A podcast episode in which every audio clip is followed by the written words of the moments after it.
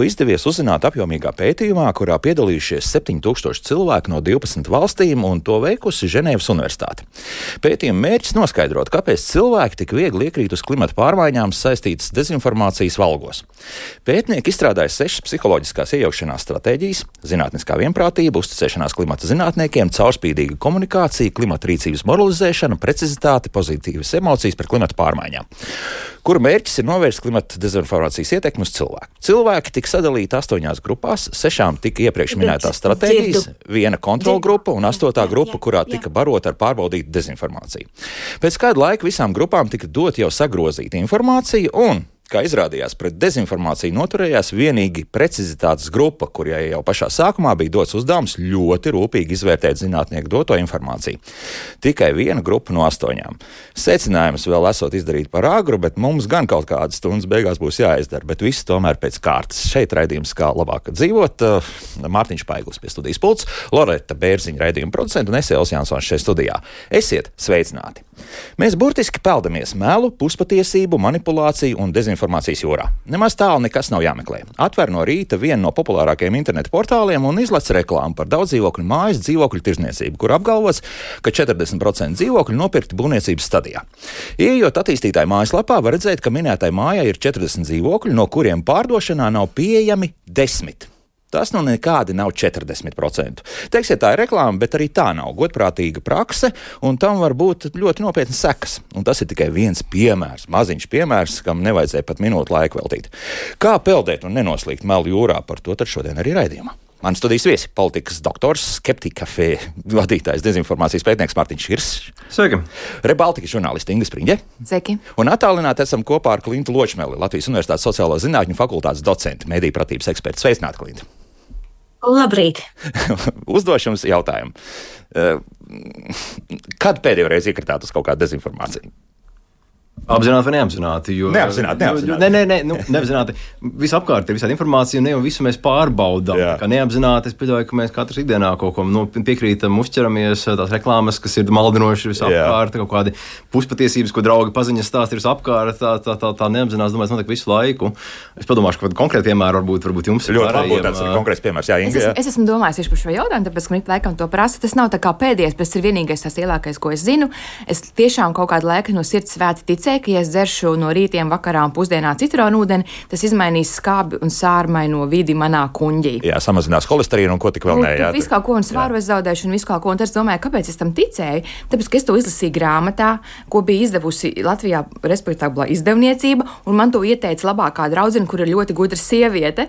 Un tad, kad es saucamās pieņēmu, ka tam ir jābūt patiesībai, un tad pagāja divi gadi, un es cītīju dzēru citronu ūdeni, un tad es sapratu, ka nē, tas bija reklāmas triks, tas ir kārtējā modes, modes diēta, un patiesībā tā nav taisnība. Kaut gan par šo citronu ūdeni es uzzināju pavisam nesen, un pat bija gatavs tam noticēt. Ne, bet galvenais, ka šis ir tāds nekaitīgs mīts. Teikt, viņš tas tev nekaitēs. Tas nav selerī ūdeni litros, ka to pēc tam kuņģot caurumu izdedzina.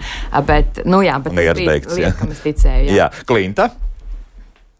Ja par tādu pēdējo piemēru šobrīd man grūti pateikt, bet es vienmēr aizdomājos par tādu psiholoģisko ietekmi. Proti, pat ja kāds apgalvojums, tātad pierādījums nav paties, cilvēkam šķiet, ja kaut ko pierāda, ja ir kaut kāds pamatojums, ja ir argumenti, tad tas apgalvojums ir uzticams. Un tad par to man reizēm jāaizdomājas, vai vienmēr tad, ja ir uh, minēti argumenti, ja ir minēts kāds pamatojums, vai vienmēr tas nozīmē, ka tas apgalvojums ir ticams, jo tie argumenti arī var nebūt patiesi. Tas tādas jāprāta, prāta spēles un psiholoģijas lietas. Vai ir kaut kāds šobrīd, nezinu, tāds saraksts vai, vai liste ar to, nu, kāpēc eh, tik daudz dažādu melu, puspatiesību, dezinformācijas gājuši par mums? Tā ir normāla praksa, vai, vai tomēr ir kaut kādi iemesli, karš, eh, politiskās cīņas un tā tālāk? Un tā tālāk? Nu, pasaule ir mainījusies. 90. gados pirms tam uh, bija tā panorāma, ko visi vakarā ieslēdza. Tas bija tas vienīgais avots, vai arī paši laikraksti, vienīgi avoti, kur tur uz, uzzināt kaut ko jaunu par pasauli, par to, kas notiek Latvijā un citur. Uh, nu, mūsdienās savukārt, jebkurš var dabūt informāciju, jebkur internetā. Vēsturiski bija šie te, nu, angliski gatekeepers, vārtu sargi, panorāma žurnālisti, redaktori, laikrakstu žurnālisti, redaktori. Un tas, kas parādījās šajos, šajos mēdījos, bija vismaz nu, daudz maz patiesi, jo iziet cauri žurnālistam, kurš ir apmācīts, kā tad rakstīt ziņas, kā pārbaudīt faktus redaktoram, kurš arī ir mācījies strādājis desmitiem gadus žurnālistikā. Tagad jebkurš var safabricēt, izveidot jebkādu stāstu par jebko, iepakot pietiekoši skaisti Ar sociāliem tīkliem viņš sasniegs daudz cilvēku, ja būs labi iepakots. Un, nu, to, cik patiesa vai nepatiesa informācija tur ir, mēs esam redzējuši Covid laikā. Mēs redzam, ka labāk par Krievijas propagandu izplatās sociālos tīklos. Sociāla tīkla ir tas, kas izmainīja īsa pasauli diezgan, diezgan nopietni pēdējos gados. Tāpēc arī ir vairāk redzama, pamanāma. Tātad platformas vairāk vai, vai ātrums, ar kādu tas viss izplatās? Tur, tur ir viss kopā, protams. Mm. Viens ir tas, ka ik viens var šobrīd būt satura radītājs, ik viens var iet un kaut ko uzrakstīt. Jā, katram gudram, negudram cilvēkam ir iespēja izteikties. Otrais ir, kā šīs platformas ir būvētas sociālajā mēdījā lai tu, te, lai, tāpēc, ka tā informācija ir nenormāli daudz, lai to informāciju pamanītu, tev ir jābūt emocionālam, tev ir jābūt skaļam. Un tas, ko arī rāda dažādi pētījumi, ka vislabāk strādā tieši negatīva informācija. Mēs ieragam kaut kādu saturu, mēs iekarstam, mēs sākam komentēt, saucam visus par idiotiem, viss ir stulbi, Karina Levita režīms un tā tālāk. Un tas ir tas, ko vajag sociālā mēdīja algoritmiem. Viņi redz, o, oh, ar šo salu, konkrēto ierakstu cilvēku dalās, tas droši vien ir vērtīgs, jo algoritms nešķiro tas robots, kas tur apstrādā informāciju, viņš nešķiro tā ir pozitīva vai negatīva informāciju. Viņš vienkārši redz, ah, par šo informāciju cilvēki interesējas, viņi raksta, parādīšu vēl daudz vairāk cilvēkiem. Tā kā te kopumā ir tas, ka ik viens var ierakstīt kaut ko un kļūt par, par žurnālistu, dzīsnieku, vēl kaut ko. Otrs ir, kā ir būvēti šie sociālie mēdīji. Un tad jau nākamais ir par mērķiem, kāpēc kāds kaut ko dara. Ir viena daļa šie sazvērstību teoriju izplītē, kas vienkārši viņiem patīk tā slava un popularitāte, ka tu redzi klikšķus un laikus un tu audz. Tad nākamais ir, piemēram, politiķi, sevišķi populisti, kurus tik ļoti neparāda uh, tradicionālajos mēdījos, tad viņi kaut kā paši atkal kurina kaut kādā veidā. Pēkšņi ir Stambulas konvencija jāuzkurina, tāpēc tas ir veids, kas atkal strādās, jo tur ir visi sapuvušie, perversie, izvirtušie rietumi, un tur var visu kaut ko iepīt iekšā. Un tad ir, piemēram, citas valsts, kā mūsu kaimiņu valsts, jā, vai, piemēram, arī kā šobrīd redzam Hamas, Palestīnas, Izraels konflikts, kur izmanto jau valstiskā līmenī, izmanto šo sociālo mēdīju un to principu, kā viņi strādā, lai panāktu kaut kādu savu, savu mērķi. Mm -hmm. Klinta? Jā, es piebildīšu par divām lietām, papildināšu par sazvērestības teorijām un sociālajiem mēdījiem. Ja agrāk dažkārt tās sazvērestības teorijas tā arī palika kādā virtuvē, kur tās nakts vidū tika apspriestas, tad šobrīd, pateicoties sociālajiem mēdījiem, tās jau ceļo pāri valstīm, pāri valsts robežām. Un vēl viens būtisks faktors ir arī tehnoloģija attīstība, piemēram, dziļviltojumi, jeb tas, ko angļu valodā sauc par deepfakiem. Ja pirms kādiem desmit gadiem vai 15 gadiem mums šķistu, ka mēs varam ticēt, ticēt savām acīm, tam, ko mēs redzam, tad šobrīd gan ar mākslīgā intelekta radītiem attēliem, gan ar dziļviltojumiem, TikTokā pat ir veseli konti, kur ir šādi dziļviltojumi gan ar Vladimiru Putinu, gan dažādiem aktieriem, jau kļūst arvien grūtāk ticēt savām acīm un izvērtēt to, ko mēs redzam savā priekšā. Bet tas nozīmē, ka mēs uh, ejam gandrīz tādā strupceļā. Jo skaidrs, viens tās tehnoloģijas tiešām palīdzēs vien labāk un labāk viltot visu to un, un radīt to bildi tik pārliecinoši, ne tikai audio, bet arī tiešām vizuāli, ka nu, atšķirt vairs, kur ir patiesība, kur nē, būs tikpat kā neiespējama. Un, un tad, kur mēs nonāksim, grūti pateikt, jā, nu, tas strupceļā. Jā. No vienas puses, jā, paliek vairāk dezinformācijas, no otras puses, nu, nav tā, ka vēsturē mēs kaut kā dzīvojam kaut kādā faktu vai patiesības laikmetā vēsturiski, nezinu, otrais pasaules karš, visi malā meloja, Briti, Protams, Amerikāņi visi protams. meloja.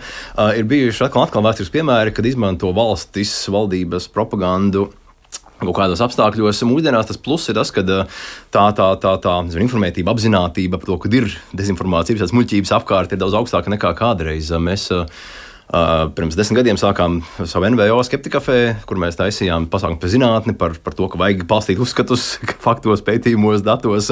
Un tad uh, nu viens īsti nerunāja par mediju pratību, kritisko domāšanu, par ko dezinformāciju. Tā nebija prioritāte. Tagad, pēc Donalda Trumpa, pēc Krievijas informācijas kariem, tas ir kļuvis par kaut ko, ko cilvēks zina, ka tā ir problēma. Un tas arī ir milzīgs, milzīgs progress. Vairs nav tā, ka kaut kādi pētnieki, akadēmiķi par, par to runā, bet tas ir nu, tāds, tāds dezinformācija, mediju pratība, tie ir tādi, tādi vārdi, kas iegājuši sabiedrībā, visi zina ka ir problēma ar sociālajiem tīkliem, visi zina, kad ir problēma ar Kremļa propagandu. Tas vairs nav kaut kas tāds, kas, kas, kas eksistē tur ārā, tas ir nu, ikdienas sarunu temats. Tas arī ir milzīgs, milzīgs pluss. Tā, nu, tā vidējā nezinu, izglītotības, informētības Latvija ir kāpusi uz augšu gan Latvijā, gan arī citur pasaulē diezgan, diezgan daudz. Tā kā nu, notiek cīņa starp tiem dezinformatoriem un starp tiem, kur mēģina, mēģina informēt sabiedrību un palīdzēt cīnīties pret to. Bet mēs neesam pārāk lieli optimisti šai ziņā, jo proti, nu, pat tas, tas stāsts, kas tika publicēts, kur Rīgas nu, vienā no kafejnīcām kafejnīcām, pat vecrīgas kafejnīcā, kur neapkalpoja kādu ļoti uzstājīgi krieviski runājošu personu, kur esot teikusi, jums tā krievu valoda tūlīt būs vajadzīga. Ja? Tas nozīmē, ka ir pietiekami daudz šeit cilvēki, kas dzīvo ar, ar tiem uzstādījumiem, ko tas Kremļa propaganda joprojām turpina. Ja, un šobrīd ir tas, jā, ka nu, tagad mēs tik bruksim iekšā Baltijā. Jā. Nē, te ir, te ir jārunā par to, ka mēs visu laiku runājam, kaut ko vajag darīt, vajag ierobežot Facebook, vajag ierobežot vēl kaut ko. Vēl ko. Jā, vai tas ir komplekss pasākums, vajag ierobežot tos sociālos mēdījus, kontrolēt, kādu saturu viņi izplat, bet tas galvenais ir ņemot vērā, ka tās tehnoloģijas tik ļoti attīstās, mēs nevarēsim vienmēr izskriet pakaļ un pateikt, kaut ko ierobežot vai nobloķēt vai aizvērt pilnībā ciet. Nozīmē, ka vienkārši cilvēkiem pašiem ir jākļūst gudrākiem, ir jābūt apzinātākiem par to, kas notiek. Un šobrīd varbūt tas līmenis, ko arī Mārtiņš minēja, ka cilvēki apzinās, ka ir problēmas, kaut kas nav, ka ir jāuzmanās.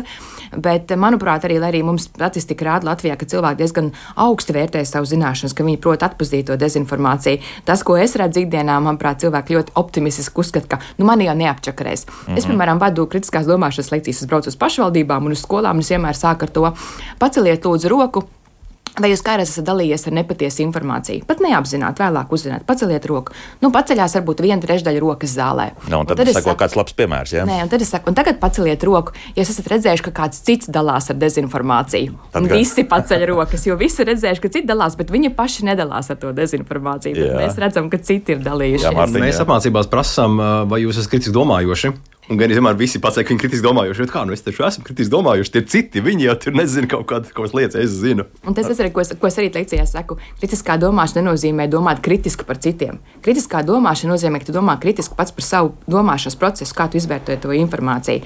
Bet tas, ko es iesaku, mēs nevarēsim, nu, cilvēkiem ir jābūt apzinātiem, un tas pirmais un galvenais ir vienmēr, ko es arī uzsveru Uh, ir tas kā, desmit sekundžu likums, ko, piemēram, Zviedri ļoti māca saviem iedzīvotājiem. Tu pat varbūt nezināsi, vai tas avots ir uzticams vai nav pareizs, vai vēl kaut kā, bet apzināties, ka, ja sevišķi, ka tu redz, nu, pamatā mēs redzam sociālajos mēdījos šo informāciju, sevišķi šo dezinformāciju. Ja tu ieraugi kaut ko un pēkšņi, ka tu esi uzvilcies, ka tu esi dusmīgs, ja tu vari šajā brīdī sevi nobremzēt un apturēt, pirms tu sāc mesties komentēt, kāda visi ir idioti un saprast, paga, paga, kāpēc es kļuvu dusmīgs. À, šis, šis ieraksts man atdusmoja.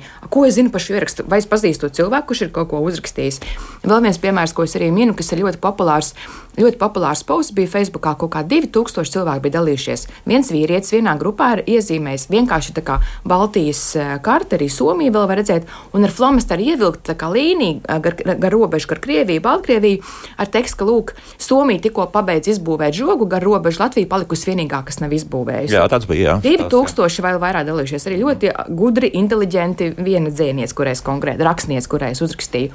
Patiesībā Un es saku, vai jūs zināt, kas ir šis cilvēks, kas ierakstīja? Vai jūs zināt, vai tas tā tiešām ir, bet visi nošēro. Un tā nav patiesība. Somija neko nav izbūvējusi. Somija tikai 3 km savu žogu izbūvējuši. Bet 2000 cilvēku un zemā, ja mēs šiem cilvēkiem paprasītu, vai viņi ir kritiski domājoši, viņi droši vien visi lielākā daļa pateiktu jā. Bet pietiek ar vienkārši karti, ar, ar flomasteru ievilktu līniju un visi momentāli dalīsies. Bet tas vai gadījumā tomēr nav arī zināmā mērā tā politiska cīņa nebija tieši saistībā ar šo Somijas robežu. Man liekas, ka tā ir diezgan apzināta manipulācija arī no ne, tiem es, jau iepriekš minētajiem, it kā erudītajiem cilvēkiem. Un tad es biju, nē, nu, nu es konkrēti, labi, es negribu personīgi būt, bet Gunga Grepša bija dalījusies. Es nedomāju, ka viņai tur bija kāda politiskā cīņa. Viņa ir ļoti uztraucās par Latvijā notiekošo. Es domāju, šis bija neapzināti uz emocijām balstīts. Uz jā, emocijām balstīts. Mēs zinām, ka mums ir korupcija uz, uz, uz, tā, uz tās robežas, un te ir tas fenomens, ko sauc confirmation bias, jeb apstiprinājuma kļūda, ka es dalos ar informāciju, jo viņi sakrīt ar tiem maniem uzskatiem. Es tam ticu, ka tas tā ir. Un, un tā ziņa problēma, jo mums ir Latvijā to robežu izbūve. Tas ir tas, kas ir tas fons, un tad tu ieraugi vienalga anonīms cilvēks ir ierakstījis rekā, Somija ir pabeigusi, mēs esam vienīgie lūzeri, loši, ja? un tad es vienkārši ar to informāciju dalos. Bet te būtu tas, ka ir jāapstājās. Jo es arī, nu, kad rādu šo piemēru, cilvēks saka, nu kā, bet nu, mums ir problēmas ar to žogu. Es saku, jā, mums ir, bet ir atšķirība, vai tu pasaki, Latvija vienīgā nav izbūvējusi žogu, vai Latvija vēl nav izbūvējusi žogu. Nu, tas mainās. Un, un šo man liekas, ka cilvēki drums. nesaprot bieži. Jā, tieši tā. Viņai liekas, ko tu piekasies, taču viss kārtībā. Vai vēl viens populārais tvīts, ka Latvijā ir pasaulē dārgākie komunālie maksājumi. Jā, tas, to es arī tas... rādu kā piemēru. Jūs ziniet, no kuriem, kas ir vispār šis konts? Mēs nezinām, pat, no kurienes tie dati ir ņemti. Mēs nezinām, kas tas par cilvēku tur ir aizmugurē. Bet visi dalās, tūkstoši dalās, jo Latvijā ir dārgi komunālie maksājumi, bet mums nav dārgākie Kā Šveicē noteikti. Ir, ir atšķirība, vai mums ir dārgākie pasaulē, vai mums ir dārgi komunālie. Bet interesanti ir tas, ka, pieņemsim, tas pats Kons, kas šo statistiku bija nopublicējis, Jā. joprojām tiek izmantots kā informācijas avots. Neskatoties uz to, ka nu, tiešām šo informāciju apšaubot, ir jāsaka, nu, ziniet, un, un tur jau ticēsim tā ļoti uzmanīgi tam, ko viņi mums pat nav, mums nav konkrēti pieredze, tāpēc rīt, kamēr kā pētnieks pētnieks tā uzmanīgi šajā brīdī šo saka, bet Ukrāņu pētnieki atklājuši, ka šis konts ir apzināti izplatīts, kur Ukrāņi ir ļoti slikti dažādākos pētījumos dažādos mēdījumos. Un, un tad arī kaut kas atrast, ka tas konta īpašnieks ir no Krievijas. Ja? Jā. Nu, mēs varētu jau būvēt tagad tālāk faktus. Vienmēr, cik Latvijā viss ir slikti, cik Ukrainā viss ir slikti, konta īpašnieks anonīms, bet ja viņi tur parokās atrod, ka viņš ir no Krievijas, nu man jau vēl vairāk rodās neusticēšanās. Bet, bet es to simtprocentīgi nezinu, vai viņš to dara apzināti vai, vai Kremlis viņam maksā vai nemaksā. Bet tieši tāpēc, ja mēs nezinām informācijas avotu, nu tad pirmkārt, neuzvelcies, tu tikai bojā sev nervus, otrkārt, nu, nedalies ar to tālāk. Un, un cilvēki to nespēja. Labi, iedosim Klintai vārdu, un tad es arī sēžu šaubas par tiem informācijas avotiem. Klintajā. Jā, nu šeit mēs varam runāt par to, ka mediju pratībai būtu jābūt tādai fleksiblai prasmei, jo mēs varam parādīt vienu piemēru kursos, varam parādīt studentiem lekcijās vēl citus aktuālos piemērus, bet ar katru dienu nāks arvien jauni. Līdz ar to tas, ko mēs varam darīt, ir patiešām veicināt tādu kritisku domāšanu, iedot tādus pamata punktus, kurus pārliecināties, paskatīties, vai tur ir tikai viedoklis, vai tur patiešām ir fakti, kurus var reāli pārbaudīt, vai tikai tāda emocionāla emocionāli uzvirdumi, kuriem nav pamatojuma. Arī tas, ko Inga minēja, paskatīties uz informācijas avotu, paskatīties, kādi varētu būt potenciālie nolūki šīs informācijas publicētājiem un tā tālāk. Proti, mēģināt cilvēkus aprīkot ar tādu, nu, tādiem vienkāršiem punktiem, kuriem tad var katrs iziet cauri un, un pārliecināties neatkarīgi no tā, vai tā informācija ir TikTokā, vai mēs viņu ieraugam Facebook ziņu lentē vai, vai kaut kur citur, jo uh, gluži visiem gadiem gadījumiem arī mēs universitātē studentus, piemēram, sagatavot nevaram, bet mēs varam nu, iedot tādus rīkus un arī atgādināt to, ka ir jāpārbauda un informācija un jāpārliecinās. Nu, labi, un tagad par tiem informācijas avotiem. Proti, viens no tiem skaļākajiem stāstiem, kas pēdējā laikā ir bijis, tas ir gazas sektors, kur bija pirmā informācija, tas bija viens dienas pats, pats vēls vakars, ka Izraels tātad Cahals, respektīvi ar, armija, ir bombardējusi hospitāli. Ja, un, un faktiski uz to uzķērās lielie BBC to nopublicēja, CNN nopublicēja. Un, un pat jūsu godījumā persona tajā vakarā ieraudzīja šo pirmo fotografiju, jā, ka kaut kāda postījuma ir. Un, un pirmais, nu, es aizsūtīju brālim tikai ar, ar tādu ziņu, nu, tu, tagad sāksies. Nu, pēc tam izrādījās, protams, ka putekļi nosēdās, jā, ka tā tiešām ir bijusi nevis bumba, bet raķete, un raķete visdrīzākais Hamas šautā. Un, nu, bet vienalga, nu, tā, tā, tas kamols faktiski un tā sniega pika sāka vēlties. Jā, un, un, un te ir nu, nu, divi lieli informācijas avoti, kā mēs parasti nu, neteiksim, ka es uzticos, bet nu, kuriem ir liela Jā. uzticamības pakāpe. Droši vien, ka Mārtiņš zinās to sīkāk, jo es, Jā. es neuzskatu sevi par pārzinātāju tieši šajā Izraels-Palestīnas konfliktā. Bet paskaties, kas notika. Arī New York Times nopublicēja informāciju, ka tas ir tāds, bet viņi pēc tam ats, nu, atsauca, viņi precizēja. Oi, viņiem tur arī gāja, viņi tur bet, ilgi bet vēl gāja un pateica, un viņi pēc tam gāja pateica, parād man kādu sazvērnieku vai šitos konus vai populis, kur kāds pēc tam nāktu. Te ir atšķirības ah, starp mēdījiem un, starp, un šiem te uh, sociālo mēdīju influenceriem. Uz viņiem neatiec likumi, mēdījiem ir likumi, tev ir jāpārbauda informācija, tev ir jānorāda, no kurienes tu ņem informāciju, pat ja tu nevari pārbaudīt tajā konkrētajā gadījumā. Un kara situācijā ir ļoti grūti kaut ko, tu neesi pats uz vietas, tu nevari pārbaudīt tās lietas. Tā kā, jā, viņi izdarīja kļauzi, bet mēs arī redzam, ka tā bija kļauzi. Viņi nenoliedz, nē, nē, nē, mēs turamies pie sevis. Parāda man, ka kāds no šiem influenceriem to būtu darīt. Un plus es pēc tam pēc nesakoju ļoti rūpīgi. Man liekas, ka pēc tam es redzēju New York Times ziņu, jau ka tik iekšā teritorijā, ka arī atradā. Uh, tos, kas tur sprāga, es nezinu, kā to visu pareizi sauc, ka bija arī Izraēlas uh, ieroči. Nebija tikai Palestīnas, kāds sauc. Bet, to, to nedara, bet, bet, bet nu, Es domāju, šī, šī, šī nav tā lielākā dezinformācijas piemērs vai problēma, jo ir nu, karš un karā. Nu, jā, bet tam ir liels demonstrācijas un vispārējais. Jā, jā, nē, nē, pasaulē. Protams, tikai bet, domā tāda, ka nu, mēdīji arī labi kvalitīvi mēdīji var kļūdīties. Turklāt karā ir propaganda, visas puses saka visu pārbaudīt, jā, jā. informācija ir šausmīgi, šausmīgi grūti. Tādā ziņā nu, šī nav tā lielākā dezinformācijas problēma, kur, kur būtu apzināti nu, kļūdījās pa lielam. Arī, arī, arī liela tradicionālie spēcīgie mēdīji var kļūdīties.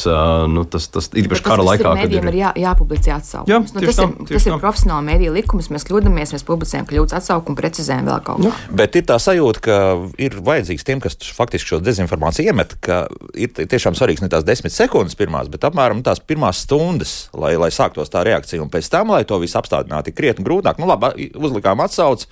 Nu, nu, un, Nu, un, bet galvenais ir tas efekts, ir panākts. To, tiem, tiem, tiem, kas izplatīja dezinformāciju, viņi nevajag pusstundas, viņi jau zina, kas notiek. Jā. Viņiem jau ir gatavs tas savs stāsts. Krievijai stāsta, ka NATO ir agresors vai ukrainieši liktie. Viņi jau zina, kas notiek. Viss, kas notiek pasaulē, tiek pievilkts tam pamatstāstam klāt.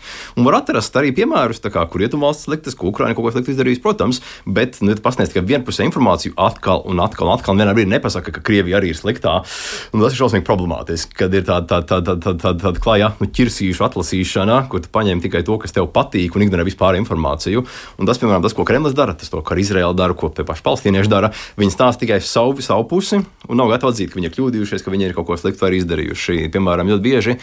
Uh, ko Kremlis darīja, stāstīja, kā NATO tur taisa mācības pierobežā, kā NATO tur ir kaut kādas problēmas darījis, darījis. NATO Afganistānā bija un vispār briesmīgi par to, ko Krievija darīs, neviens vārds. Un tas var būt patiess, bet tas ir vienpusējs un manipulatīvs. Ja tu stāsti tikai par to, ko citi dara par sevi, neviens vārds, kad NATO taisa mācības Baltijā, tāpēc, ka Krievija iebruka Ukrainā, tāpēc, ka Krievija izveidojusi karaspēku mūsu pierobežā, par to nevienu vārdu nebija. O, tā ir propaganda. Jā, tieši tā. Tieši tā. Klintā? Jā, šeit mēs ar studentiem dažkārt runājam par dilemmām, kā rīkoties kādā gadījumā, kā žurnālistam, vai publicēt ziņu, kas nav pilnīgi līdz galam pārbaudīta un būt pirmajam, vai pārbaudīt informāciju, bet būt pēdējam, kas to publicē. Un tad, nu, tā arī gadās, jā, ka žurnālisti arī kļūdās, jo tas darba temps jau ir ārkārtīgi strauši, un kā jau arī minējāt, nevienmēr visu informāciju nesot tur uz vietas var pārbaudīt, bet šeit var piekrist tam, ko jūs arī teicāt, ka to atsaukumu redzēs mazāk. Līdzīgi tāpat kā arī dažādi dezinformācijas atspēkojumi, tas pirmais jau aiziet skaļāk, un pēc tam tas, kas nāk kā atspēkojums, tā racionālā informācija un informācijas atsaukums, to redz mazāk, bet uh, tas ir mediju ētikas jautājums. Uh, vai šo atsaukumu kaut kur publicē mazā stūrītī, tādā nepamanāmā vietā, vai patiešām tas izskan arī ēterā un visiem arī paziņo, ka, teiksim, vakardienas ziņu izlaidumā bija, bija ieviesusies kļūda un jaunie fakti ir tādi un citādi. No tā mēs neizbēgsim šajā tādā straujajā ziņu apmaiņas un, un informācijas aprites tempā. Bet kā šobrīd ir vispār ar medijiem, lieliem medijiem, es domāju, kas ir gan televīzijas, gan radio, šī prakse, kā tādā mm, brīvprātīgā kārtā, nevis gaidot kādu tiesas spriedumu vai kaut ko tamlīdzīgu, šos uh, faktiski ziņas atsaukumus uh, publicē bieži? Klītā jautājums. Jā. Tāds pētījums, tāds pētījums gluži jā, man pašai nav veikts, bet no iespēja, kas, kas man radies pašai, lietojot mēdījus, jā, kā, kā mēdīju lietotājai, es redzu Latvijas mēdījos arī redzu šādus atsaukumus. Dažkārt tas parādās redaktoras lejā, dažkārt kaut kur otrajā žurnāla lapusītē. Ir izskanējis arī radio un televīzijā, arī tad, kad bija absolūti nepatiesā informācija par Jurasavicka nāvi, tas arī diezgan daudz izskanēja. Un, manuprāt, ļoti nozīmīga ir Latvijas mēdīju ētikas padomes darbība, kas tomēr arī rosina mēdījus un aicina arī sabiedrību sekot līdzi tam, cik ētiski darbojas mēdīji un vai tiek ievērots arī žurnālistu ētikas kodeks. Nu, pie tā noteikti ir vēl jāturpina strādāt. Piekritīsiet, jā.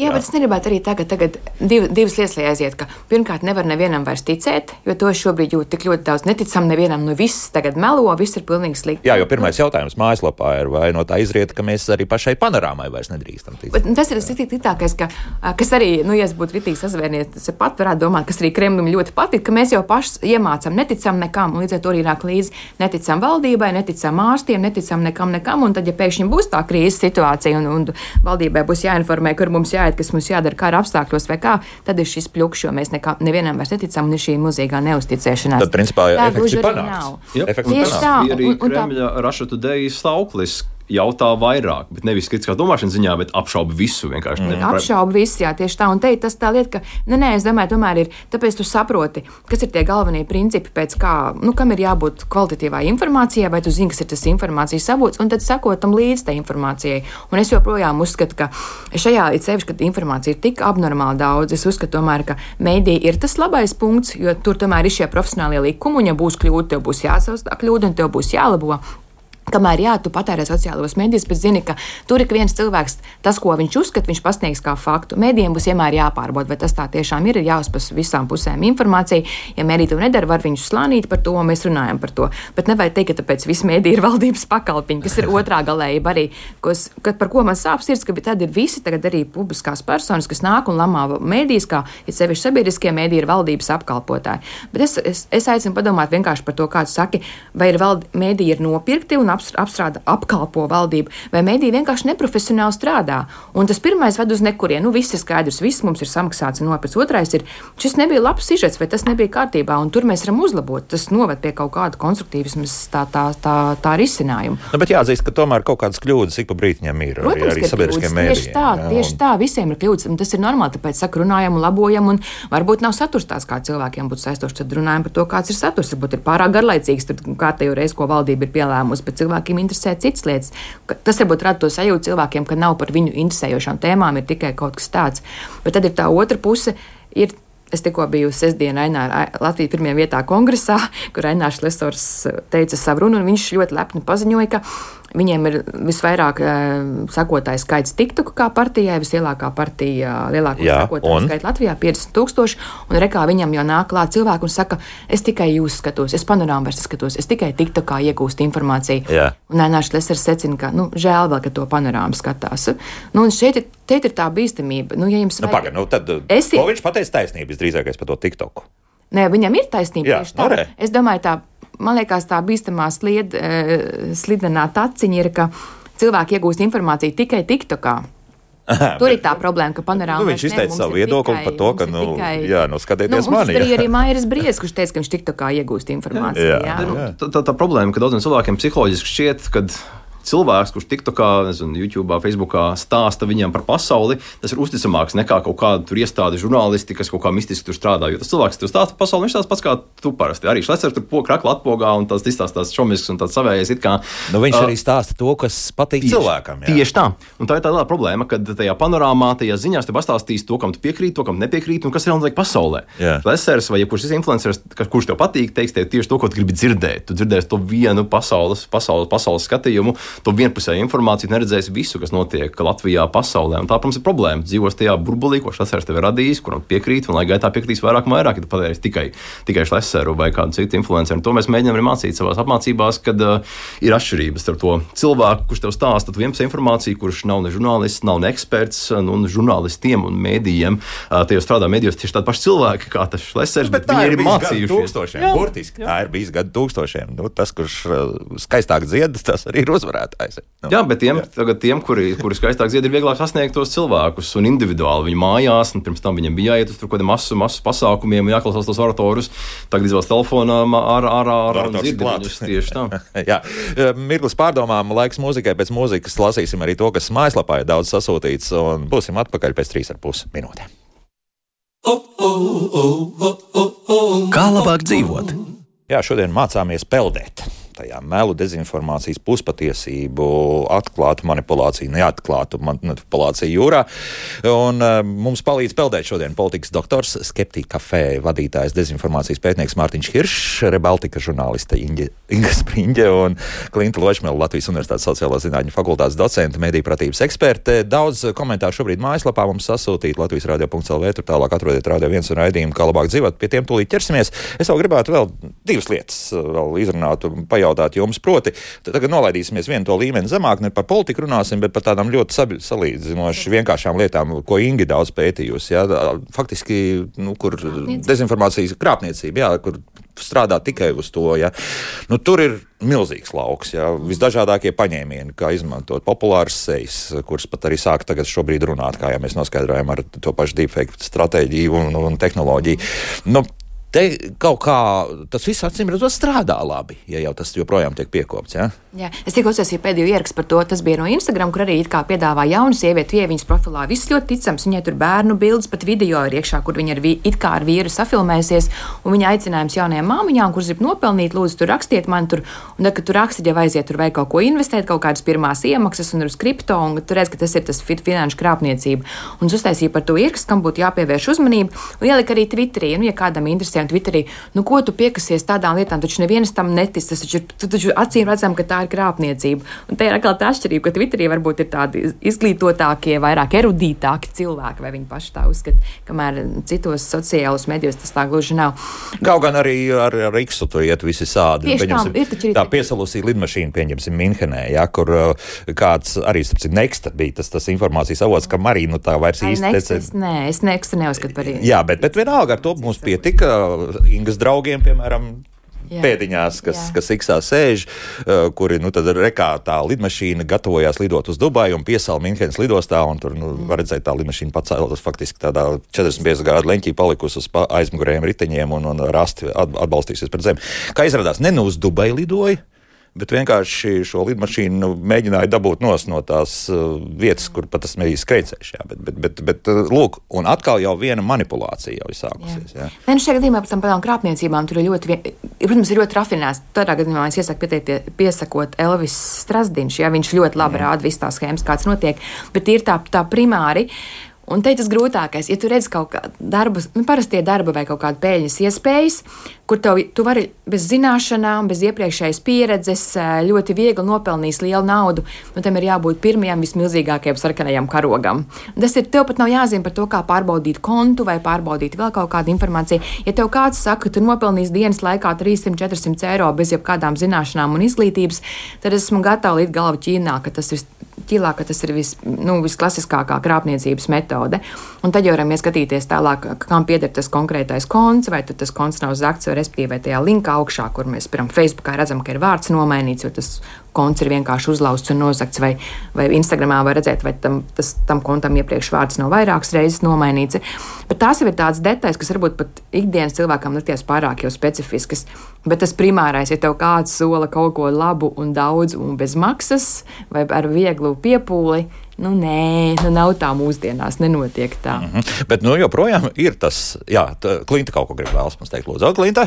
Jā, es šeit tikai gribēju piebilst par to, ka šobrīd aktuāli arī Ziemassvētku dāvanu iegādes kontekstā ir skatīties arī tos internetu veikalus, kuros mēs kaut ko iegādājamies, jo parādās tendence, ka ir tādi neīsti internetu veikali, kuriem tā saita reģistrēta varbūt jā, pirms, pirms nedēļas, kur pat nav preču, bet ir tikai fotogrāfijas, kuras turklāt ir uzlabotas ar mākslīgā intelekta palīdzību. Pa, pa, patiesībā tādas parastas kleitiņas padarītas ārkārtīgi ārkārtīgi pievilcīgas meitiņu kleitiņas ar tādiem 3D Ziemassvētku eglīšu uh, attēlojumiem, un, un tad šķiet tāds ļoti labs piedāvājums tikai, piemēram, pa 10 eiro, bet uh, var izrādīties, ka tādu pasūtījumu cilvēks vai nu vispār nesaņem, vai arī, ja saņem, tad tas izskats stipri atšķiras no tā, kas ir redzams attēlos tādējādi. Nu, šeit piebilstot tam, kas izskanēja pirms tam, ir ļoti, ļoti būtiski um, paskatīties, vai tas mm, piedāvājums neizklausās pārāk labi un pārāk vilinoši, jo, ja tā ir, tad visticamāk tā arī būs. Jā, punkts un āmeni. Tiešām tas ir, kā zināms, sirds par bezmaksas vai par lētu ir tikai peļas lasdā. Jā. Un otra lieta, varbūt, kā mēs gribētu pievērst uzmanību, ir tas, nu, sevišķi jau no Ukrainas karš. Jā, un te man nepatīk viena cita lieta, ka arī paši Ukraiņi, diemžēl, nodarbojas ar, ar tādu dezinformācijas nu, izplatīšanu. Nu, Un kā te tikt galā? Es, mūsu mediji faktiski ir iemācījušies strādāt ar informāciju, kas nāk no turienes, bet, nu, pieņemsim, ja tu atrodies kaut kādā telegramā, pieņemsim vairāk kanālu, kas, kas arī nāk no Ukraiņu puses un vēl kaut ko, tad ir ļoti uzmanīgi jāskatās, ko tu tālāk darīsi ar šo informāciju. Ļoti uzmanīgi. Jā, jā un, tas, tas ir normāli. Kara laiks ir atšķirīgs no tās ikdienas mediju dzīves. No Ukrainas nezinu, prezidents teiktu, ja mēs tur veicās un rītīgi neveicās, tur plus un mīnus karā. Nu, tam vēl tā sabiedrība vienkārši. Tā, kā, nu, tā ir tā realitāte, kur viņi dzīvo, kur ir Ukraiņas mediju mēdī dzīvo, viņi neteiks, kā, ka ir milzīgas problēmas, viss ir slikti, jo nu, ir karš, vajag mobilizēt sabiedrību. -hmm. Tādā ziņā nu, tā, tā, tā, tā, tā mēdī brīvība karā arī vēsturiski, es minēju, arī Briti, Franči, Amerikāņi visi ierobežoja, jo nu, vajag to sabiedrību mobilizēt. Bet viennozīmīgi, jā, tā tas žurnāls dara padara daudz, daudz grūtāku. Žurnālistiem ir jāstāsta, nu, tur žurnālistiem ne Ukrainā jāstāsta, un jāmēģina saprast, kas tad patiesībā notiek. Tur Un te ir atkal tas, kāpēc es teicu, te, tieši tāpēc es patērēju medijus. Tieši tāpēc, jo es zinu, ka medijiem tomēr jāsako, un šai gadījumā, protams, kurus medijus. Un vienalga, jā, New York Times nošāva pilnīgi greizi ar to konkrēto uzbruk, uzlidojumu tai slimnīcai konkrētajai. Mm. Bet tik un tā, jo arī man, kad sākās tas iz, Tikā pirmais aizgāju uz Izraēlu. Jā, ne, nekas. Bet nu, idejas tas ir līdzīgi arī, kad sākās viss šis konflikts. Man cilvēks sūtīja Instagramā, piemēram, rekur paskaties, ko šis cilvēks tās vai rekur ir šādi pierādījumi vai tādi. Es teicu, piedodiet, bet es nezinu, kas ir šis informācijas avots. Varbūt tā ir pat uzticama Izraels kaut kāds mēdījis, bet es nezinu, un man nav laika šobrīd iet un sākt pārbaudīt, vai tas avots ir uzticams vai nav. Tāpēc es palieku pie avotiem, kam es ticu, kur es zinu, kā tie mēdīji konkrēti strādā. Un tas ir tas mans ieteikums, ka labi, ja tu gribi būt TikTokā vai Telegramā labi, ej tur un skaties to informāciju, bet vienlaikus tomēr arī patērē mediju. Ideālā variantā profesionāla medija, kur tu zini, ka viņi mēģinās tomēr parādīt visu informāciju, ko iespējams, un pateiks, ko nav iespējams konkrētajā gadījumā. Bet arī, ja runājot par Izraelu, tad eh, vēl šis gadījums par to, ka viņi ir rādījuši speciālos tādos seansos eh, faktiski žurnālistiem un arī, nu, teiksim, tādiem mediju personībām, kas nav īsti žurnālisti, bet, nu, jā. pieņemsim, ir nu, influenceri nosacīti, jā, un viņi rādītos tos kadrus, ko tās Hamas tās, tās, tās kameras telefoni safilmējuši. Un vai tas bija pareizs gājiens no viņa puses, jo tālāk sākas interpretācijas. Un es esmu dzirdējis visdažādāko. Viena saka, nu, tur neko jūs tur jau neuzzināsiet, līdz pat tam, kad šausmas, šausmas, ko viņi tur vispār sastrādāja. Ja? Un kam ticēt, Es domāju, mm. ka Izraels puse ļoti pareizi. Viņi rūpējas par to, par savām interesēm. Tas ir viņu, tā ir viņu propaganda. Nu, propaganda tādā labā nozīmē, ja tā var teikt. Nu, propaganda ir, kad valsts izplata savu vēstījumu. Izraela grib, grib ietekmi panākt, iznāks ārā ar savu vēstījumu. Un tāpēc žurnālistiem, kas iet, viņiem ir jāpatur prātā, ka šo stāsta Izraels puse. Tāpēc, tāpēc ir tas žurnālists, jo tu parādīsi influenceram, kur, uz kuru neatiec šie žurnālistikas principi, ka tev ir jāpārbauda informācija. Viņš to uzņems kā absolūtu faktu un to arī pasniegs, bet žurnālistam būs jāieliek kontekstā. Tur ir tā atšķirība. Jā, Klintai tagad jādosim vārdu. Jā, nu šeit man šķiet, ka Inga jau ļoti labi to izskaidroja un īsti pat labi vairs arī nav, nav ko šajā tematā piebilst. Nu, labi. Tā, tagad, jā. Ja var ātri par šo, jā. tad uh, tas karā normāli, katra puse grib uzvarēt informācijas karu arī. Uh, problēma ir Ukrainas pirmais karš 17. gadā rietumu žurnālisti Ukrainā bija ļoti maz, daudz vairāk bija Maskavā, nu, Krievijas tās uzvarēja. Pat labāk, Gazā žurnālisti īstenībā netiek ielaisti, daudz mazāk, un Izraēlas stāsts, un Izraēlā ir piekļuve žurnālistiem, kamēr Gazā iekļūt ir ārkārtīgi grūti, pat neiespējami. Un tā arī ir problēma, ja žurnālists nav uz vietas. Tad pārbaudīt šos faktus, vai, vai tas, ko Izraela saka, vai tas, ko Gaza saka, vai tas, ko Hamas saka, ir patiesa, ir praktiski neiespējami. Un tāpēc saka, ka viņi zaudē. Tas ir vēl viens Izraels zaudē šo karu. Sākās arī karš Ukrainā. Mēs runājam ar Ukrainas kolēģiem, piemēram, un, un es nezinu konkrēti kas, bet bija ļoti populārs video arī gāja tieši no telegrāma. Es nezinu, Krievija vai to brīdi. Tas nebija galvas nolaušanas gadījums, vēl nu, uz prānas pārlaušana, bet arī kaut kas ļoti šausmīgs. Un, uh, nē, bija, bija tas video, kad it kā Ukrāņu karavīri šauja Krievu karavīriem kājās. Uh, bija, jā, bija pašā kara sākumā jā, jā, jā. bija. Un tie mūsu ukrāņu kolēģi, viņi nerakstīja par to neko. Viņiem prasīja, kāpēc, jo viņi saka, mēs saņēmām pārmetumus, kāpēc jūs par to nerakstiet. Viņi saka, bet mēs to nevaram pārbaudīt. Mēs pat neredzam no ārējām zīmēm, vai ir uzlīmes tiem, tur kaut kāda forma ir, bet tu nevari pateikt, kuras puses. Kaut kā beigās tā atrada, kurš bataljons vai kas bet, tur bija. Bet pašā sākumā, un tieši tāpēc, lai nebūtu tā pārsteidzība, kā bija, piemēram, tajā pašā New York Times gadījumā ar, ar Izraelu, tu vienkārši, ja tu galīgi nevari, tu neziņo. Un otrkārt, tev ir e, informācija, kas nāk no valdības par kritušo skaitu vai par kaut kādām uzvarām vai par zaudējumiem, un tu to arī stāstu. Sevišķi tas Ukraiņas mēdīs, bet nu, tu vienmēr arī min to kā avotu, ka tā ir Ukraiņas valdība vai konkrētā ministrija, vai konkrēti kā bija arī Kaņurtēms darīja ar uh, upuru skaitu uh, Palestīnas civiliedotājiem, cik ir gājuši bojā. Viņi norādīja, ka informācijas avots ir Hamas veselības ministrija. No jā.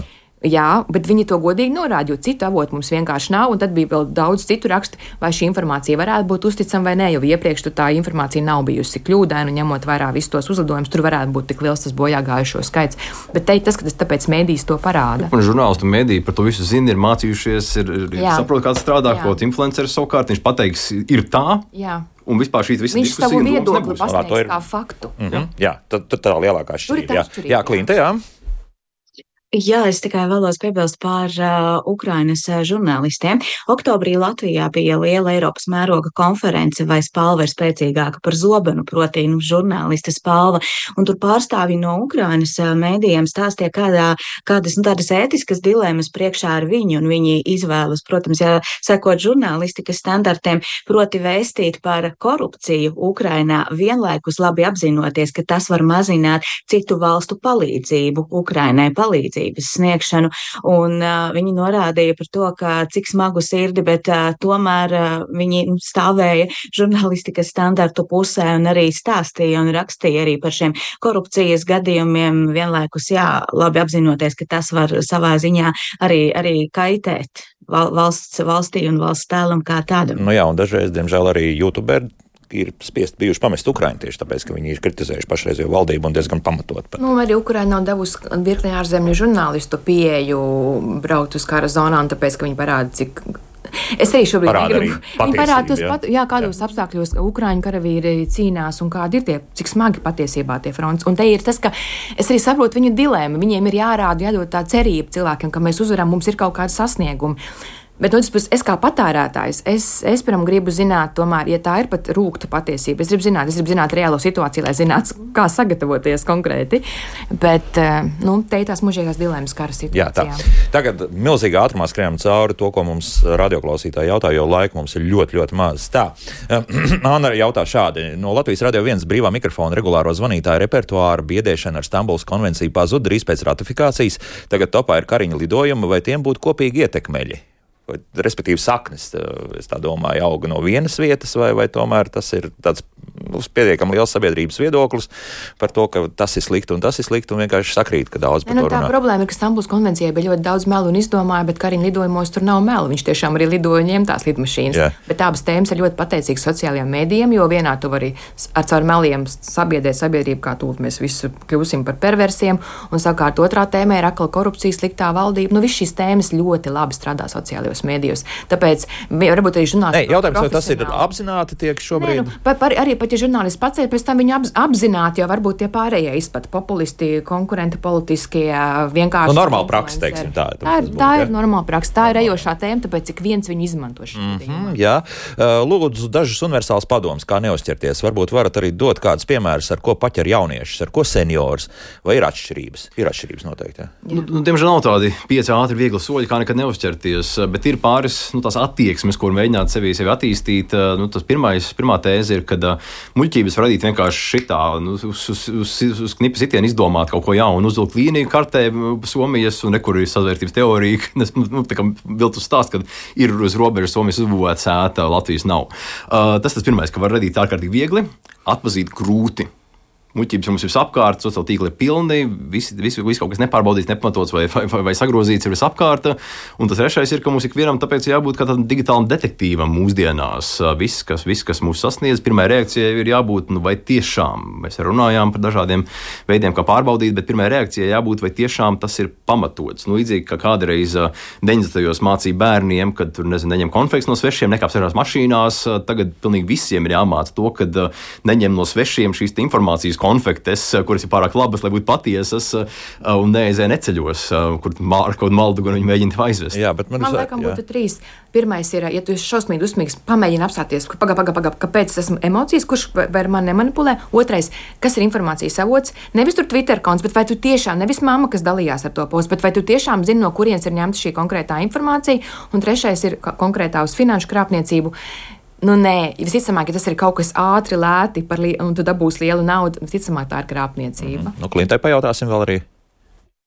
Jā, šeit varu piebilst no pētījuma, kuru mēs kopā ar kolēģi Veltu Skolmeisteri veicām, analizējot sociālo mediju ierakstus Latvijā, un redzējām, ka liela daļa no gadījumiem, kur izskan dezinformācijas apgalvojums, nemaz nav pamatota. Tur vai nu vispār nav argumentu, vai arī cilvēks atsaucas uz savām pārdomām, pat uz sirdsbalsi, un sanāk, ka kaut kas tiek pateikts, bet vispār nav ne pierādījumu, ne saites. Pat ja apgalvo, ka Zviedrijā ir tā, nav pielikta saita, kur mēs mēs varam paskatīties, vai tiešām Zviedrijai ir tā vai citādi, skatīties, vai mēs varam pārbaudīt, vai tur ir tikai tāds viedoklis, vai tur ir kaut kas, kur mēs varam atrast internetā, pārliecināties, paskatīties. Un otrkārt, kam es vēlos vērst uzmanību, arī, ka dezinformācija nereti tiek izplatīta humora veidā.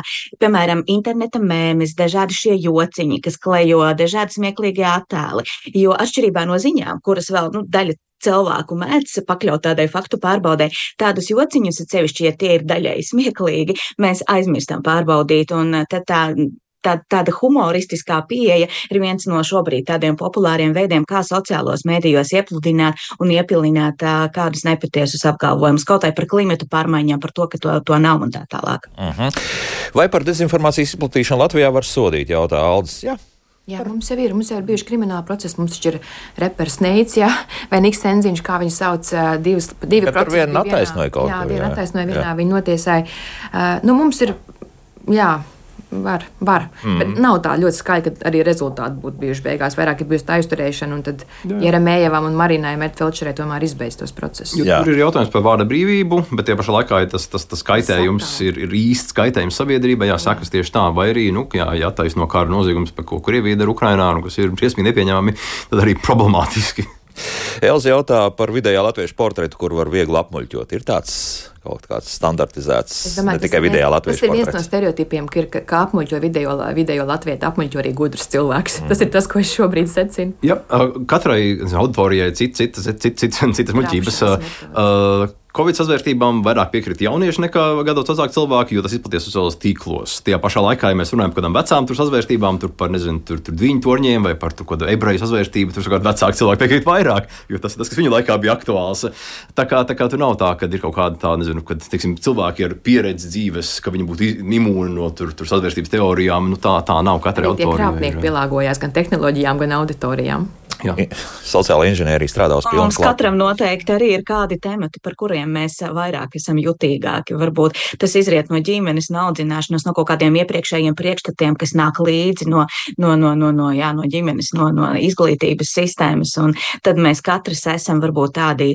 Um, angļu valodā vārds vulnerability, bet uh, latviešu valodā tādi ievainojamāki atkarībā jā, no mūsu katra pieredzes. Kas vienu uzrunās, tas otram, otram neuzrunā. Mm -hmm, nu, un uh, uzreiz Klintu papildinot, uh, arī kāda klausītāja faktiski piekrīt tam, ka ja tev ir kaut kas galvā, tavi putni tur būs pārliecināti diezgan sarežģīti kādu par kaut tas ko pretējo. Tas apsprinājuma kļūdu confirmation bias šis jēdziens. Ja? Es ticu, šī ziņa ir patiesa, jo es tai ziņai piekrītu. Ja es tai ziņai nepiekrītu, tā ir nepatiesa patiesība. Mm -hmm. bet, bet, kopumā ir šausmīgi grūti nonākt pasaulē, ja cilvēks zina nezinu, visu par Baltijas vēsturi vai par kaut kādu citu specifisku jomu, kad pēkšņi ko Izraēlā skatās konflikts Viņš, ja viņš neko nezina par Izraēlu, tad viņa apmaņot ir ļoti viegli. Viņam trūkst kaut kādu pamatu faktu, kas vispār tur notiek uz zemes, kāda ir tā vēsture. Un tas konflikts ir šausmīgi sarežģīts. Daudz ir viegli apmaņot, jo vienkārši nezina, kas tur reāli ir bijis vēsturē. Nu, zinot to, ka mums tāds viegls antisemītisms piemīt valstī, tad savulaik uh, visi bija ļoti palestīnieši atbalstoši jā, par, par valsts izveidu un tā tālāk. Un uz tā atkal var ļoti labi bāzēt Nu, tas ir nākamais, kad uh, ir visādas vēsturiskās ietekmes, kas bijušas sabiedrībā. Ir nu, daļa krievu piekrīt Kremļa propagandai, nevis tāpēc, ka Kremlis viņus samanipulējis. Tad viņi gāja skolā padomju Savienībā, kur NATO bija sliktais, tāpēc, ka viņiem visapkārt ir bijuši draugi, radi, kuri tam tic. Nav tā, ka pēkšņi Kremļa propaganda pēdējos piecos gados ir izmainījusi viņas domas pilnībā. Nu, nē, cilvēki tiesās piekrist tam, kam viņi jau tic. Kam iepriekš. arī Stambuls konvencijas mīte ļoti strādā, jo viss ģimenes vērtības, ka tur, taču, ja tur kāds cita ģimenē, tad tas ir, nu, es, es ļoti brutāli. Tas, tas, nu, tur teik, tas nav labs piemērs. Tur ir pielipināts bet, tik daudz klāt, bet, kas vispār neatiec uz bet, šo bet, konvenciju. Tā ļoti sarā šīs ģimenes vērtības, jo mums ir ļoti tas padomiskais mantojums. tā, vairs mums laika nav, tāpēc jā vai nē. Jānis jautā Vēlonam Maskam patiesi rūp vārda brīvība. Es tieši tikko klausījos viņa interviju New York Times podkāstā. Un? Jā vai nē? Viņš ir dīvains. Mārtiņ?